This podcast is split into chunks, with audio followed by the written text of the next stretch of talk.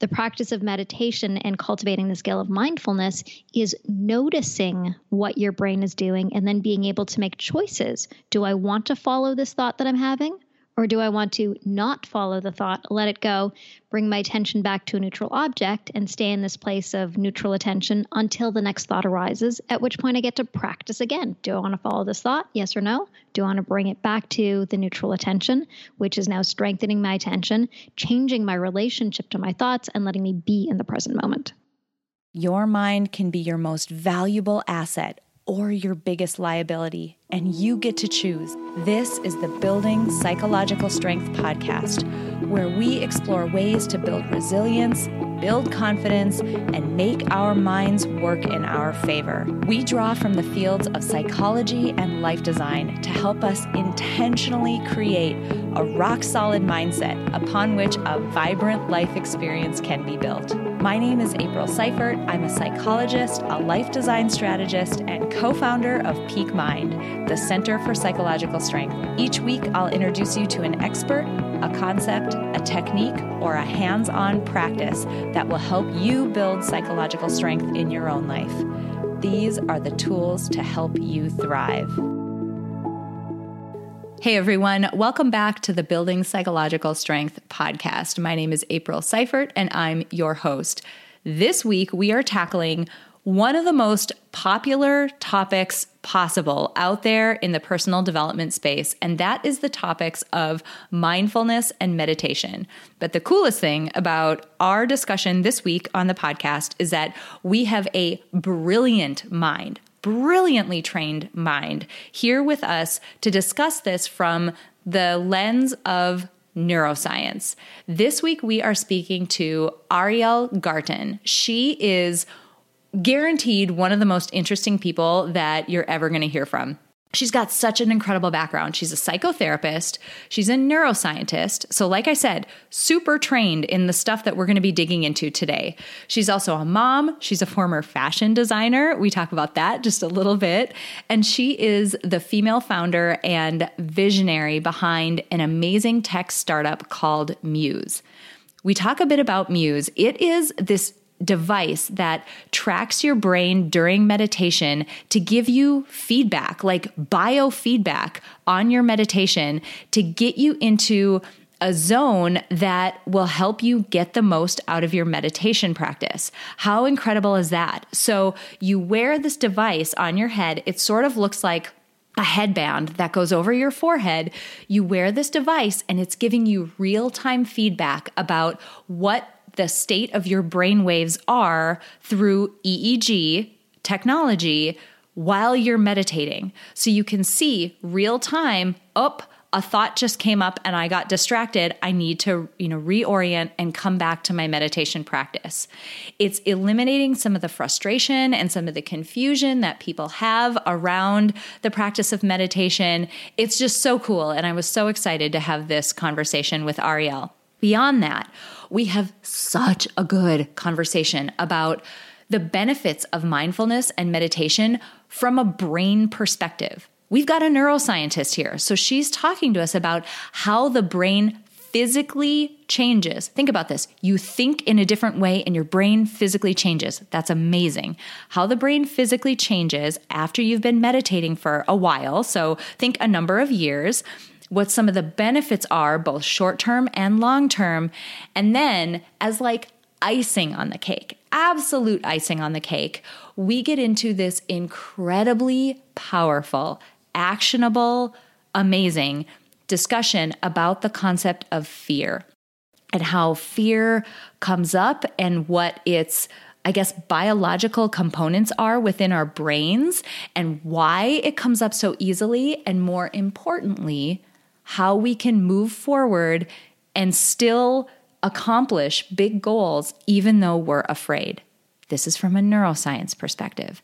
It is so fascinating, and I am so beyond excited about this week's interview. I've been looking forward to this conversation for so many weeks now, and I'm absolutely thrilled that I get to introduce all of you to Ariel Garten and her amazing work. So let's hear that interview now. Ariel, this is an interview that I have been looking forward to for so long because the work that you do is not only foundational to what we would consider the concept of psychological strength, but the way you're going about it has me so curious about your work and what you do. So thank you so much for being here. Oh, my sincere pleasure. I am thrilled to be able to talk about psychological strength. It's not a concept that most people have a word for. I'm so excited that you've created the space to be able to show people that we can all actually be psychologically strong. I adore it. Okay, give us a little background on you. Give us a little bit of a background on your particular expertise. I know a bit about you, but I'm not sure that my audience would. Your particular expertise, and give us the skinny on what you're working on these days. Sure. So, my name is Ariel. I was trained as a neuroscientist and I was a psychotherapist in private practice for almost a decade. And I've spent the last almost 10 years building a device called Muse. It's a brain sensing headband that helps you meditate. Okay, so for folks listening to this, I'm sure your curiosity has already been piqued, and you can understand why I've been so excited to have this interview because I've never heard of anybody who has a brain sensing headband that can help you meditate. So this is going to be fantastic. I would love to start with some basics because, as you've probably realized, the idea of meditation and mindfulness practices and other things around that space have become increasingly more mainstream than they were, say, a decade ago, I would say.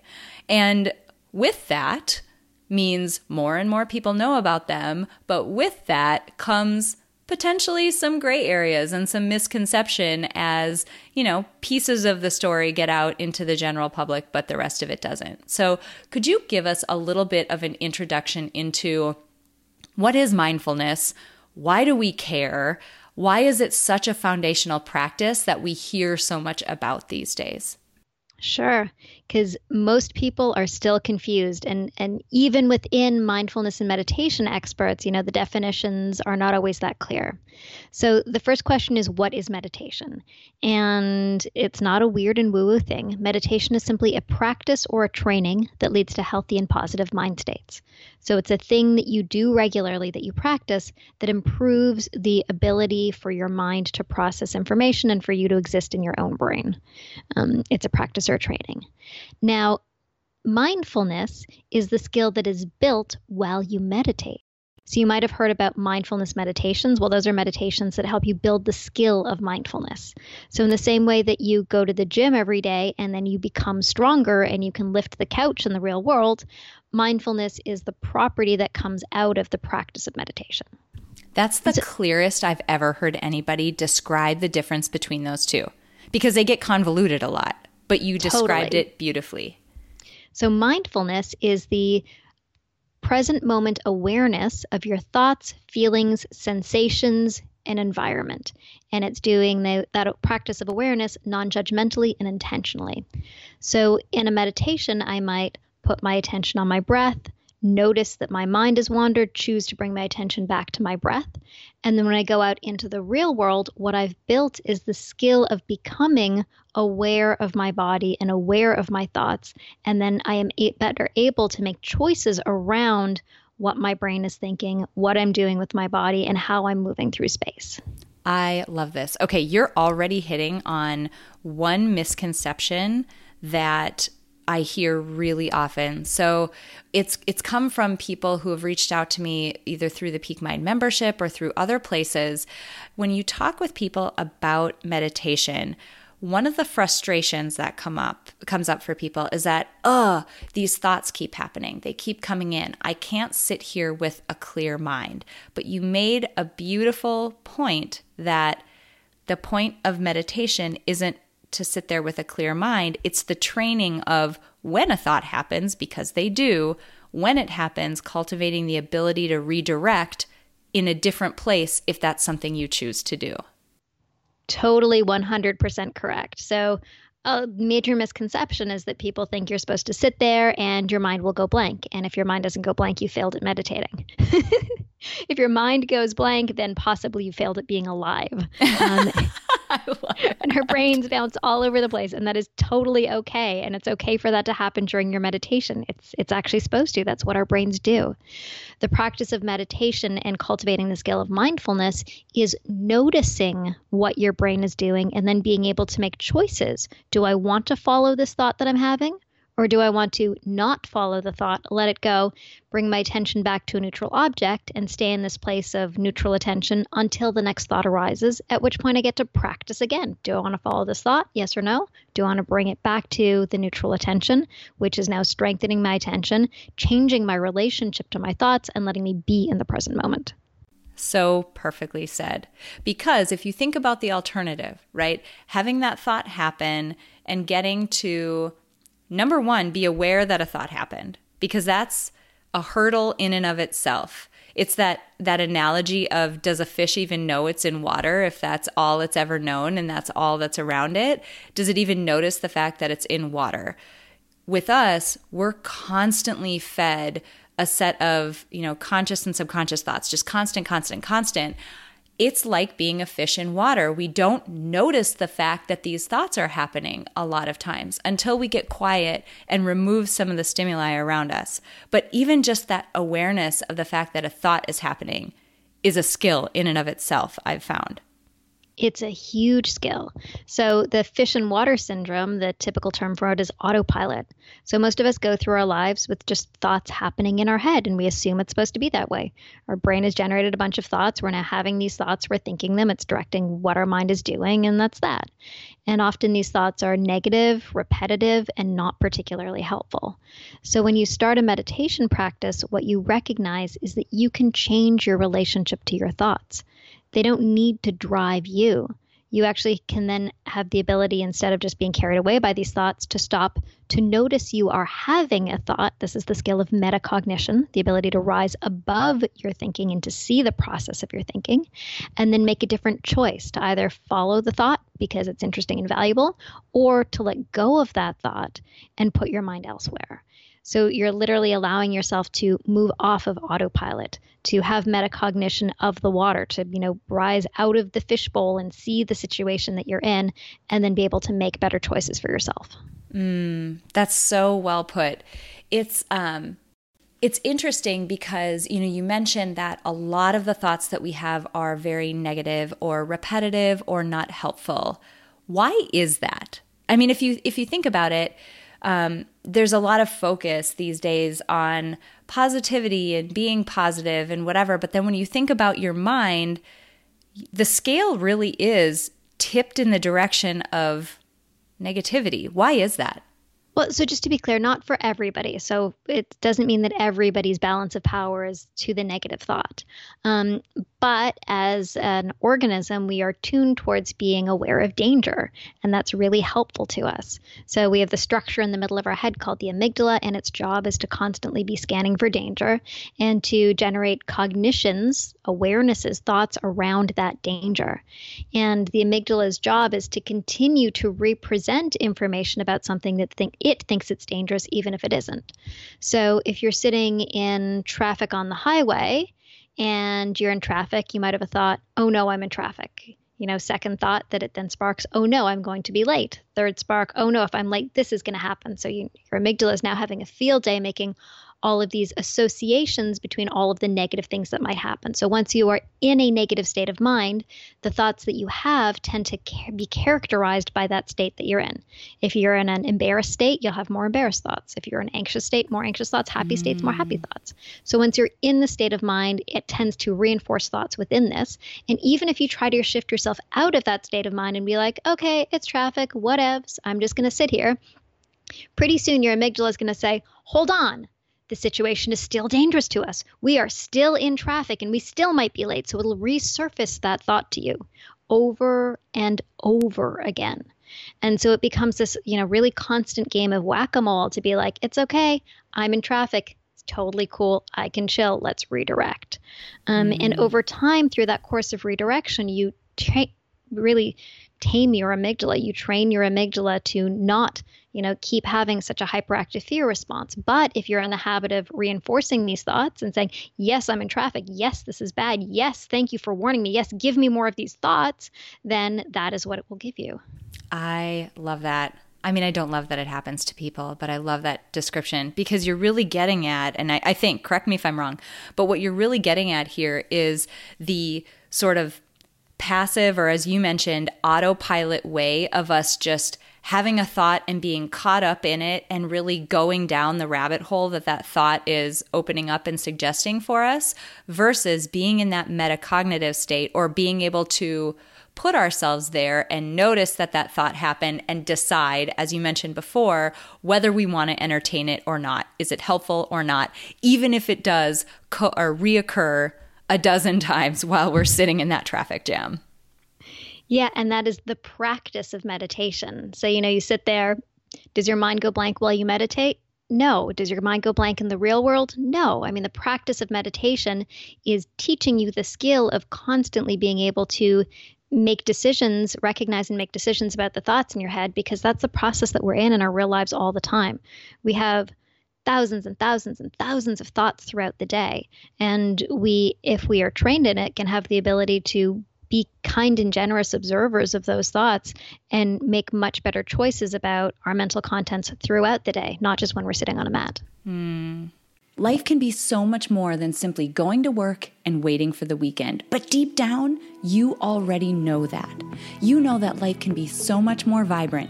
You know you were made for more than just passively going through the motions. You know you can thrive, but to do that, you have to start from the inside out. And that is why I'm so excited to announce that for a limited time, we're offering you the opportunity to join us in the Peak Mind membership for only $1 for your first month. That's right, $1 to join us in the full Peak Mind membership. All you have to do to take advantage of this amazing offer is to visit us at www.peakmindpsychology.com, click on the membership, and enter the code THRIVE at checkout. Think about it. We all know what we need to do to keep our bodies strong. But what about our minds?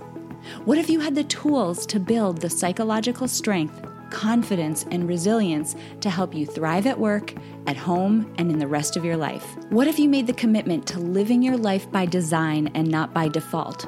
All of this is possible.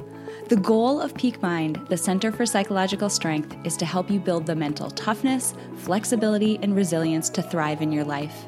We draw from the fields of psychology and life design to help you intentionally create the vibrant life experience you know is possible. Through live online workshops, a 24 7 on demand library, expert interviews, and monthly challenges, our members are building the psychological strength that it takes to thrive through life's ups and downs. And like I said, you can do it too. For a limited time, we're offering you the opportunity to join us for only $1 for your first month. Just visit www.peakmindpsychology.com, click on the membership, and enter the code THRIVE at checkout. Your mind can be your most valuable asset or your biggest liability, and you get to choose. So, what choice are you making? Join us in the Peak Mind membership before this amazing offer goes away. I have a real live neuroscientist here. So I'm going to get super nerdy and I'm going to ask you things that I don't get to ask other people because you know these things and this is so awesome.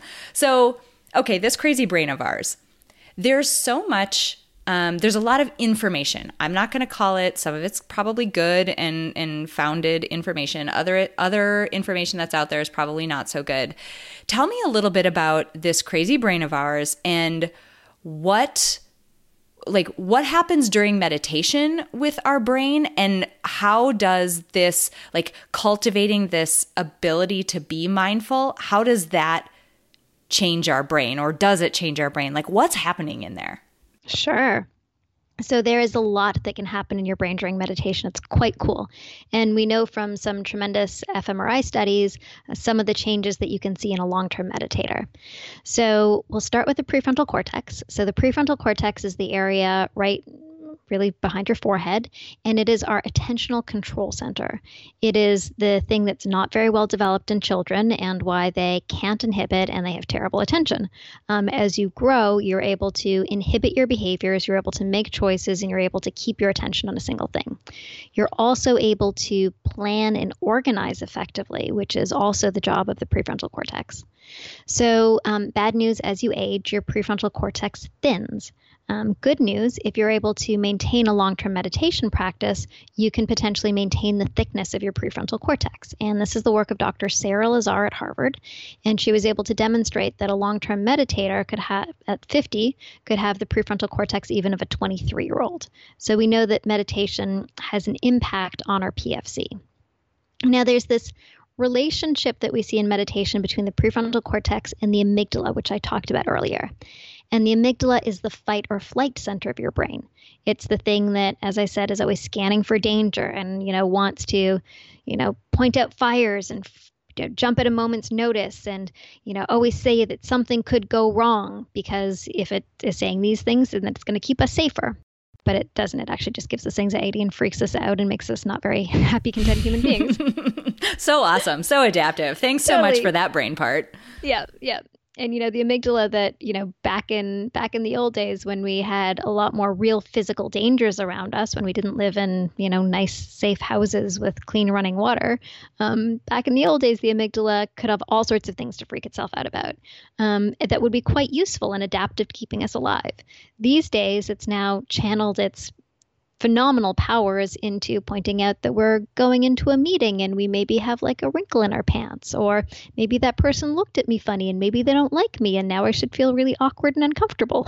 so it's getting all these important whole, life and death things that we face, right? Life and death things that you know occupy our brain and make us feel not great about ourselves and being alive sometimes. So, in meditation, part of what happens is we are strengthening the prefrontal cortex and we're changing the relationship between the prefrontal cortex and the amygdala. Um, so, you can kind of think about the prefrontal cortex as the parent who is able to have wisdom and see what's going on, and the amygdala as the freaked out child having a tantrum because there's a shadow on the wall that it's scared of. And so, in meditation practices, as we strengthen our prefrontal cortex, we're able to improve its regulation of the amygdala so that the prefrontal cortex can come in and downregulate the amygdala and say, Hey, I see we're in traffic and really it's fine. Shh, it's all good. Calm down. We'll get there eventually. We'll figure it out. Um, so, in a long term meditator, you often see a decrease in activity in the uh, amygdala, and you can even see a decrease in the size of the amygdala. So, mm. these practices actually down regulate our amygdala's activity. That's amazing. What does that mean long term? Like, what does a how how long do I have to meditate before my amygdala shrinks?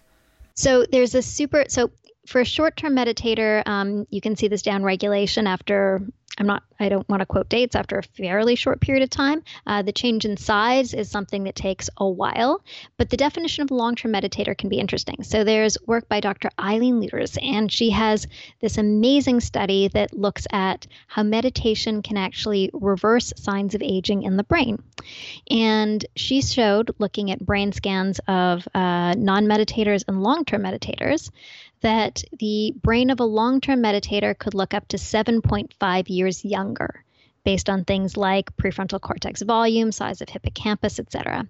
And what was really interesting was that she defined a long term meditator as somebody who'd been meditating for five years or more. Mm. So if you think about the investment in that, you know, five years of being a long term meditator could lead to 7.5 years increase in uh, decrease in brain age. That's a decent ROI. That's not yeah. bad pretty good investment. So anybody who says I don't have time to meditate, like this could be truly time saving device here.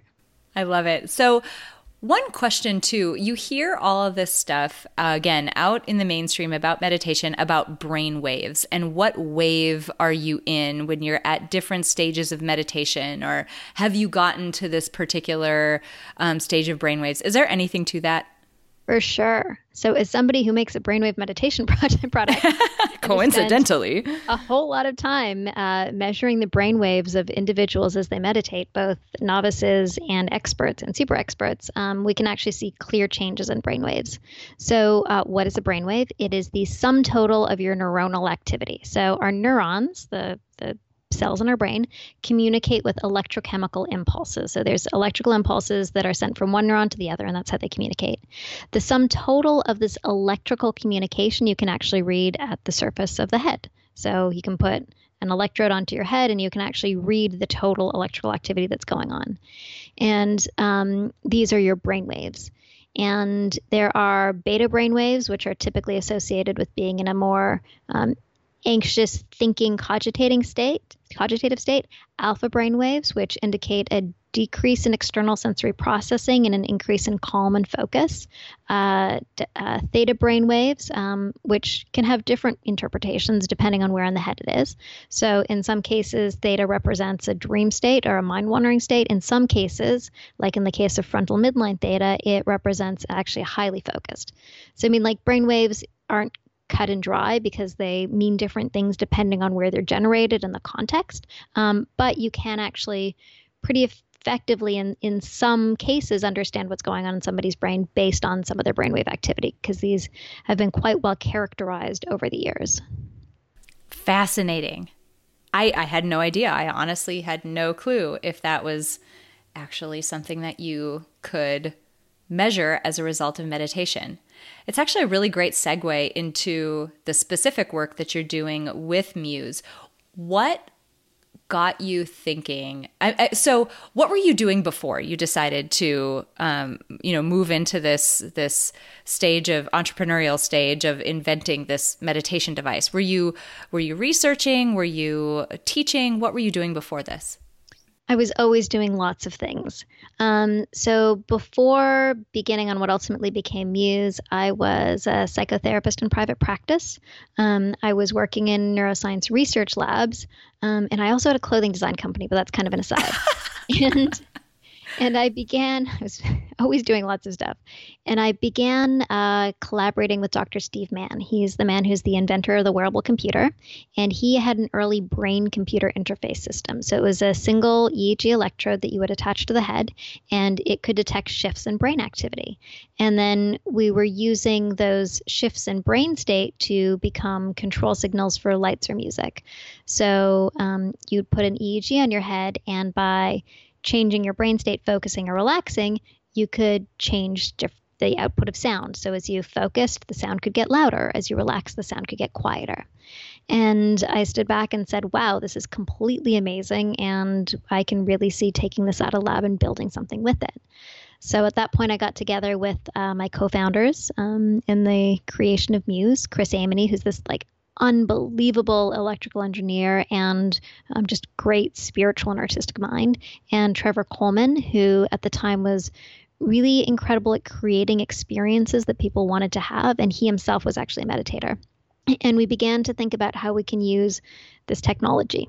And at first, we thought we were going to use it to control lights and music with people's brains.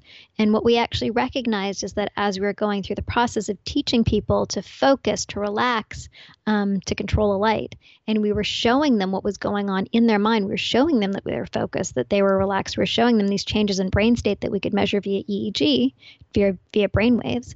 We recognized kind of what we were teaching people to do was to meditate. This is and, like biofeedback on steroids. Yeah, it's neurofeedback, biofeedback on the brain.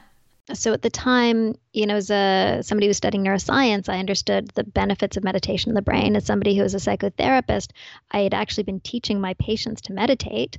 Um, in some ways, not as effectively as I could because I was a terrible meditator. And the three of us recognized that we could take this technology and solve some of the most basic problems that people have when they try to meditate. We could actually show people what was going on in their brain during in their brain during meditation. We could let them know when their mind was wandering, when they were having these wandering thoughts. We could guide them back to focused attention. Um, we could reinforce the learning of the meditation, and then we could present them with, you know, charts and feedback that actually showed them what was going on in their brain. And that if we could do these things, we could make learning meditation easier. We could get more people meditating, and that would probably be a great thing for the world. What have been what have you heard from people who have used this device? Because again, when I talk to people who begin meditating just in the traditional way. Maybe they you know get an app on their phone or they watch a YouTube video that has helps guide them in some way or maybe they just try to just sit there and do it themselves. Um, you hear a lot of frustration in the beginning of people feeling like this this it doesn't seem like it should be that hard right just like sit there and and try to count your breaths or just sit there and try to be aware of maybe something that you're you're gazing at it's really frustrating though, and it's a lot harder than it, you think that it would be. What's the experience of people who have who've I guess onboarded with your device? Um, so we've been incredibly lucky. We've been in market now for five years. And so we've had literally hundreds of thousands of people that use Muse in their life regularly. And so probably the most common thing I hear is it helps me meditate. Um, you know, I now know what's going on in my mind. I know when I'm doing it quote unquote right. Um, I now have a tool that I can use to guide my practice. And so it's at the point where I've now met meditation teachers and I've asked them, How did you start meditating? And hilariously, they've said by using Muse. so it really That's does awesome. work to get you into the practice. That is so awesome. Oh my gosh. I love this. I love that. Um, because again like it's people are busy right this is an investment that people are making in the time that they're going to spend sitting there and and working on this and so it can be really discouraging to be sitting there thinking is this even doing anything like is anything happening i'm i i think i'm doing this right i'm not sure so it's got to feel really good to people that they're at least getting something back saying like yep or nope try again Yep. Yes, very, very much so. And then with Muse, so when you sit down for a regular meditation, your mind wanders and it's like one, three, five minutes sometimes till you're like, oh, right, I'm thinking about the grocery list, supposed to be meditating. Okay, back to my breath. And so with Muse, you're cued within a second that your mind has wandered. And then you can be like, right, that was a wandering thought. I can see that now, back to my breath. So it really yeah, so it really heightens this active metacognition. It really like heightens and trains your attention and your ability to notice when your thought is wandering. And it's incredibly time saving because rather than being three minutes into your 10 minute practice and then coming back to your breath, you're like, oh, right, back to my breath, back to my breath. So that act of noticing and returning is kind of like the bench press rep at the gym for your meditation. That's that's the work that you're doing. And so in a 10 minute meditation, you can get in many more of those notices and returns, much more of the training of the meditation practice. Oh my gosh, this is exactly what we were talking about before, right? You notice the water more quickly because it's so hard. It's so hard. And anybody who's tried to meditate probably can attest to this that you're sitting there and after a while, like you don't even know how long you've been gone because it's just so easy to get hooked and get sent down that rabbit hole. That's so cool. I love that. Thank you. I'm wondering if we can shift gears a little bit because there's something that you alluded to before that I think would be really valuable for my audience to hear about because it's something that comes up in our lives often. It's something that limits people really often. And I'd love to get your take on it because you have so much information earlier, you were mentioning the link between our prefrontal cortex and our amygdala. You kind of mentioned the fact that the amygdala is just sort of this part of our brain that's freaking out all the time and, um, you know, trying to find threats and keep us safe. I'm wondering if you can talk a little bit about how, just more generally, on the concept of fear, because we, uh, this is another place where if you get really present to it, you tend to notice the number of times, the dozens of times in a given day that you have a fear response over something that just isn't a big deal. But the number of times that it comes up during the day is incredible if you actually sit and look for it. I'm wondering if you can just give us an overview on this concept of fear because it just grips people's lives so much. Oh my God, this is a topic I love these days because I've been doing exactly the practice that you described and being highly aware of whenever I feel fear and then being able to dismantle it. So, you know, most of us are subtly driven throughout our day over and over and over again by decisions that are made out of fear, and we do not realize it. So we feel a sensation of fear come over us. I mean, in, even in that benign example where you're sitting in traffic and you're like, oh no, it's a traffic exam, that's actually an experience of fear. Anytime you feel stress or anxiety, that is your amygdala creating a fear response. And one of, you know, my new favorite phrases is that fear doesn't rule me. And the reason we don't do so many things in our life is because we feel afraid. So we're either having a lot of stressful thoughts that are fear, that are then causing a bunch of downstream dysregulation to our body because we are stressed just because of these fearful thoughts, fear producing thoughts. Um, or we want to do something in our life and we feel a sensation of fear or anxiety, and then we hold back from doing the thing because we don't want to feel the fear associated with it.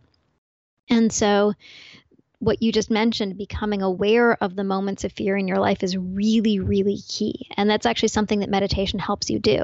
So, in the same way that meditation helps you observe your thoughts, it also helps you observe your bodily sensations and your emotions and your experience. So, rather than just being ruled by the feelings, the subtle feelings that you have that you don't notice, you can actually be aware of the feelings. You can be like, oh, okay, somebody said that. I feel a sensation of fear, or I feel a sensation of unworthiness. And then you can take a moment and assess that. Is this true? Is this valid? Is this useful? Um, and then rather than being driven by these subtle emotional experiences, we can shine a light on all of these experiences and actually be able to make intelligent choices because so many of them are just you know subconsciously inculcated in us mm-hmm. and driving our behaviors in ways that really aren't supportive of the outcomes that we want. They're just kind of old programming and old stuff that pings us around like a like a ping pong ball in a way that we can't control. Oh, I love this. I in full disclosure, by the time I think by the time uh, your interview might come out just before this talk. I'm giving a TEDx talk in two and a half weeks, which there's my fear response right there. As yep. soon as I say that, I'm like, oh, what am I doing? Oh my God. Um, I'm giving a TEDx talk in a couple of weeks that is focused on making a linkage between. Um, it's kind of a funny linkage. Astrophysics and the presence of dark matter in the universe, the fact that we can't see dark matter, we can't measure it, but we can measure its gravity and we know how it acts on other objects in the universe. I'm drawing an analogy between that and our subconscious mind, how it houses all these thoughts and just these webs of information that it passively learned over time. But what, and we don't know what's in there because it's all just, you know, encoded information. But what we do become aware of is the gravity of it. It's the conscious thoughts, it's the emotions, it's the fear response, it's the knee jerk, oh God, when we, you know, get in a situation that makes us uncomfortable. Um, and I just love the way that you describe that because it's so in line with that. There's these you know, our minds are these incredibly powerful things that are, you know, trying to help us navigate this very complex world and keep us safe. And gosh, the, you know, they're adorable and wonderful for helping us do that. But the implications of it, of this mind that evolved in such an, like, such a different um, environment than what we're in today, it's just amazing that we can all get through the day as well as we can, given everything that's going on under the surface. So I just love how you describe that because it is this we get these responses, these fear responses, but we don't have to entertain every one of them. Not every yeah. one of them is useful. Yeah. And I love the way that you've described all of this. That's awesome. I can't wait to hear your TED talk. And the environment that our brain built, that it, the environment in which our brain was built that doesn't serve us is two environments. One, you know, the evolutionary environment of our brain, which is very different than the world that we live in now. Two, the um, personal evolution of ourselves. So most of our beliefs, subconscious fears, you know, and drives were programmed when we are two, three, four, five years old. When we have zero wisdom about how the world works and we are pushed and pulled by the whim of how our parents react to us. And so we form all of these beliefs around, you know, what we think we need to do to be loved, you know, what it means to be praised, when we think we're worthy, what we need to do for approval, that we need to, uh, you know, do things to be approved of, because that's what our parents did, that we need to do things to feel like we will be loved and we're not if. You know, all of that was formed at an extraordinarily young age. The you know cartoons that we see with violence in them um, which in some ways build resilience in other ways can just you know impact us in these subtle subtle subtle ways that get built into constructs about how we view the world as adults that we never stop to identify and we never stop to question. We're really just driven by these three four five year old brains that have a bunch of coatings calcified on top of them um, where we, you know, live through our little childhood drives. Oh, and I love it. I'm over here cheering, by the way. I'm on mute over here going, yes! Oh my God! And I'm clapping yes. and I'm freaking out. Oh my gosh. I love it. Keep going. Yeah. And so when we take the time to actually see how our bodies and minds are driving us, you know, often if we can truly rise above it, have that metacognitive fish out of water moment and say, oh my God, this is crazy that you're, you know, reacting to a spider web with an icky feeling. It's like it's just a thing. It's a pile of material in a pattern. like what's the big what's the big deal? You know, it's crazy that I need my husband to tell me that I'm beautiful before the end of the day or I don't feel good enough or you know whatever your own mishigas is.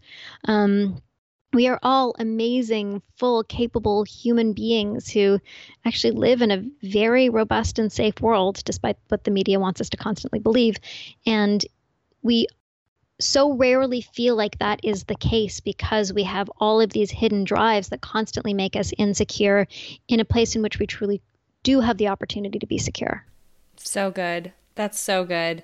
And it's, uh, uh man, I could just, I'm with you. I could go down this rabbit hole for um, hours because people don't realize that what what that ends up doing is, and the saddest thing to me, it's two pieces. One, people never really get to experience what their true potential is because that fear response kicks in so early, like so much lower than what your actual potential as a human being is. And that's sad to me and the second thing that's even more devastating to me, and folks who have listened to this podcast for a while know that this is a soapbox and I'm not going to jump all the way on it.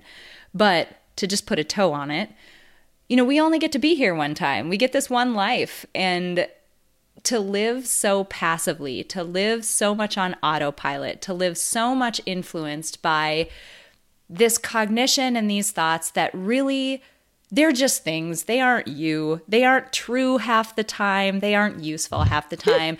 to be so influenced by them at the detriment of being a full active participant in your life makes me just like I don't even know what the right adjective is. Just all the things. I get all the feelings at once thinking about you know the the way that this impacts people and the way that they live their lives. So I'm with you. I'm like right on that soapbox with you. I am so with you, sister. So the question is, what can you do about it? So yes. let's let's turn to the solution. We've, I love it. We've outlined the problem. Hopefully, you know, sufficiently proselytized. Um, so the way and there are many different methodologies that can allow you to start to get out of this space of autopilot. So you know in cognitive behavioral therapy for example you look at the thoughts that you're having and you say is this thought correct? If i thought something differently would i act differently? So let's take a scenario in which you have a you are going to a party and you hold the thought in your head when while you enter the party um, i'm not good enough and the people there aren't going to like me. When you enter the party how are you going to feel? Not good enough like people aren't going to like me. Yeah when you talk to people uh, what's the evidence that you will probably feel like you get back from them? Maybe they're not as engaged with what i'm saying or they're not as interested in what i'm saying. Yep when you leave the party what's the conclusion that you'll make? Yeah that was terrible and nobody really liked me obviously you've re- clearly. Um, exact same party. You walk in with a thought in your head of you know i'm awesome and people are friendly and this is going to be great. What happens when you get to the party? I'm more likely to approach more people probably. Yeah what's going to happen when you talk to them? I'm probably going to be much more open and will probably have a lens of um, positivity that things are actually going well and that's probably how i'll evaluate those conversations yeah, and when you walk away, what's the what will you have thought from it? I was awesome and look at all these friends I just made. yeah. You come in feeling open and engaged. People therefore want to engage with you. Uh, you therefore have engaging conversations. You walk away with the evidence that you're awesome and so are they, and you have lots of friends. What was the only difference in this scenario? There's only one difference in these two scenarios, and that was your thought process. Yeah, The thought that you walked in at the very beginning with. And you have a choice of what thought you can have in your head. And sometimes it doesn't feel that way, but you always have the choice. And sometimes your like physiological systems and your amygdala are throwing all the at you it can find and they're like this is going to be awful, but you always have the choice to say no. These are just thoughts. These are just feelings. Actually, I can have a different thought. I can choose differently.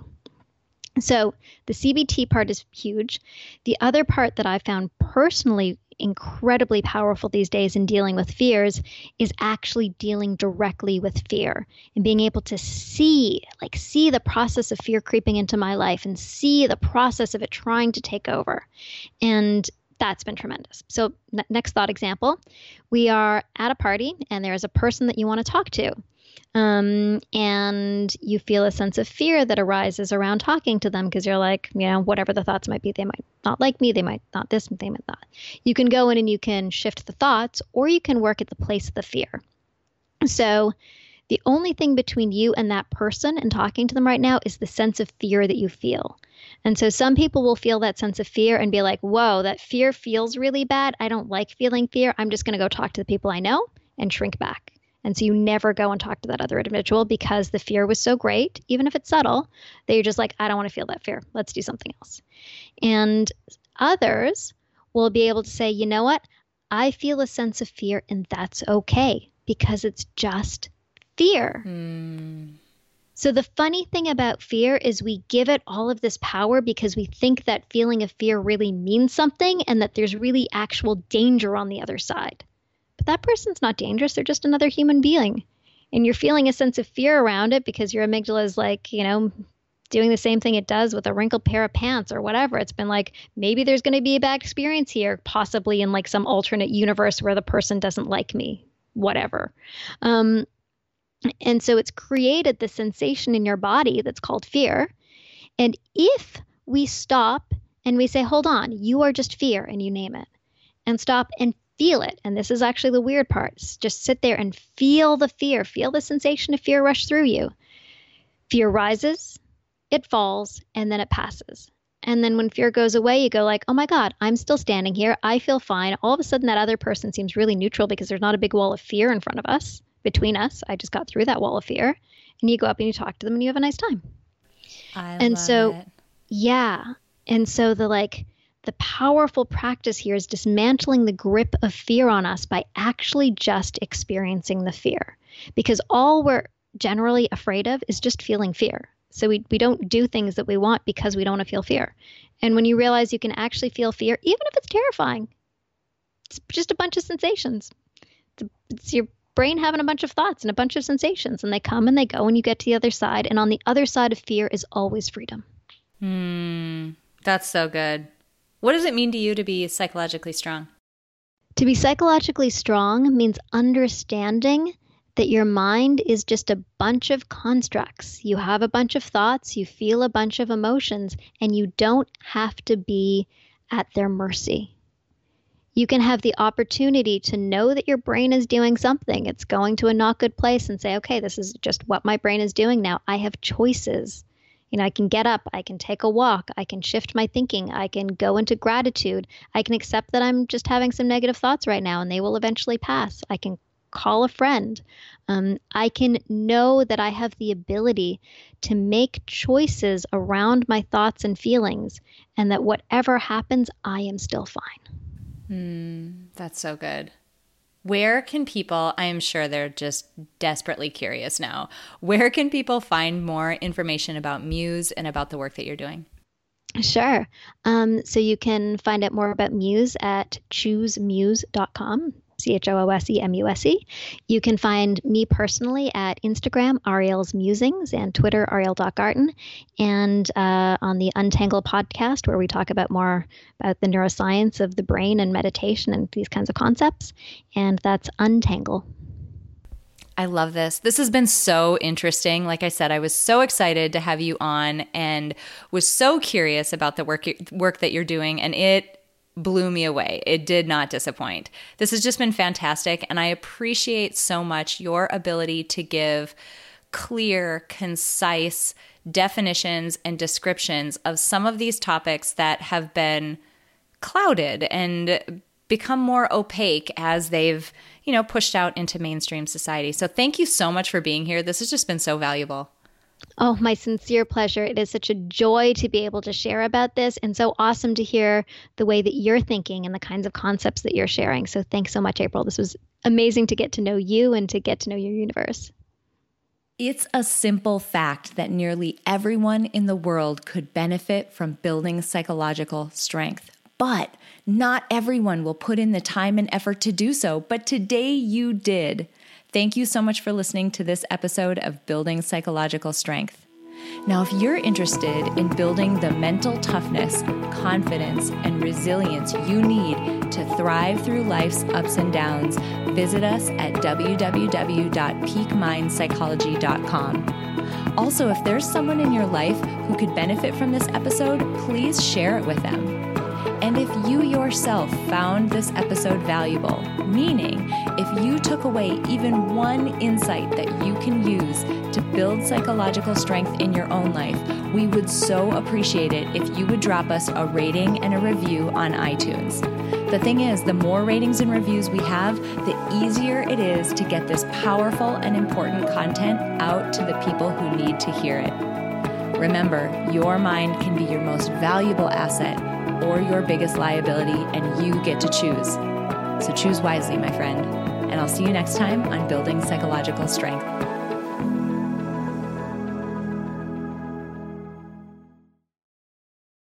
At Parker, our purpose is simple. We want to make the world a better place by working more efficiently, by using more sustainable practices, by developing better technologies. We keep moving forward. With each new idea, innovation, and partnership, we're one step closer to fulfilling our purpose every single day. To find out more, visit parker.com/purpose. Parker, engineering your success. Everybody in your crew identifies as either Big Mac burger, McNuggets, or McCrispy sandwich, but you're the Filet-O-Fish sandwich all day. That crispy fish, that savory tartar sauce, that melty cheese, that pillowy bun? Yeah, you get it every time. And if you love the Filet-O-Fish, right now you can catch two of the classics you love for just $6. Limited time only. Price and participation may vary. Cannot be combined with any other offer. Single item at regular price. Ba da ba ba ba.